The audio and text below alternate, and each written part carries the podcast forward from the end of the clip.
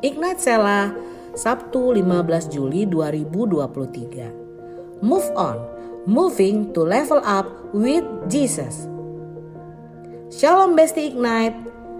Move on sering disederhanakan sebagai fase pindah ke lain hati. Padahal secara harafiah, move berarti pindah dan move on berarti proses berpindah.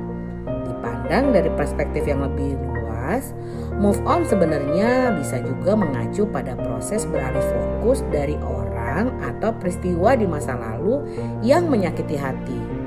Tidak melulu percintaan. Memang berat untuk melepaskan rasa luka di masa lalu yang terlanjur membekas pada diri kita. Oleh karenanya, terkadang kita jadi merasa perlu untuk mencari suatu pelampiasan. Wajar, sifat hal naluriah manusia memang cenderung gemar mencari yang lebih baik atau lebih nyaman setelah disakiti dalam bentuk apa pun. Di waktu mengalami masa-masa sukar move on, kerap kali menjadi lupa bahwa ada Tuhan yang senantiasa menolong dan menyertai kita. Tuhan menemani kita melalui saat-saat tersebut Waktu move on, terkadang kita merasa mampu melaluinya dengan kekuatan kita sendiri. Alhasil tak jarang move on sebatas menjadi dalih pelarian dan ajang pelampiasan semata yang membuat kita kembali terjatuh bahkan lebih dalam dari sebelumnya. Akibatnya bukan yang lebih baik yang kita dapat, tapi keinginan untuk memuaskan ego semata. Oleh sebab itu, alih-alih sebatas move on, kita juga perlu move up Move up dapat diartikan berpindah ke atas atau lebih dalam lagi bisa dimaknai sebagai moving to level up with Jesus.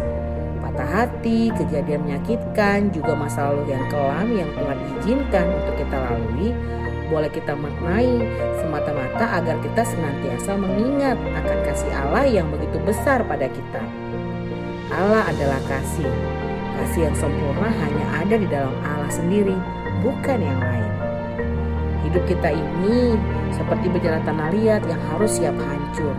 Pada proses pembuatannya, perajin tak akan segan-segan menghancurkan bejana yang cacat dan membentuk kembali hingga bejana tersebut sempurna. Sama halnya dengan pribadi kita dalam kehidupan percintaan.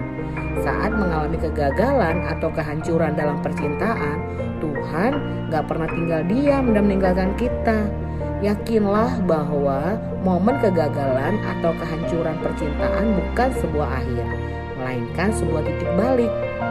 Titik balik menjadi pribadi yang lebih baik dan kian disempurnakan. Sekaligus pengingat agar kita tidak mengulangi kesalahan yang sama. Kita bisa aja memilih menjelekkan atau membenci mantan oleh karena hancurnya hati kita. Namun, keberadaan Tuhan yang mengisi hati kita juga memberi pilihan Apakah kita akan terus berada dalam kesedihan dan penyesalan itu ataukah kita memilih untuk naik level bersama dia? Percayalah bahwa Tuhan memegang hari esok.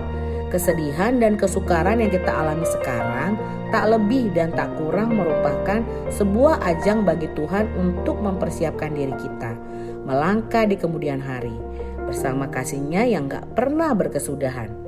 Oleh karena kasihnya yang telah tercurah atas kita, kiranya kita pun menyadari serta memperoleh kekuatan untuk dapat mengampuni masa lalu kita. Tuhan Yesus memberkati semua sobat Ignite.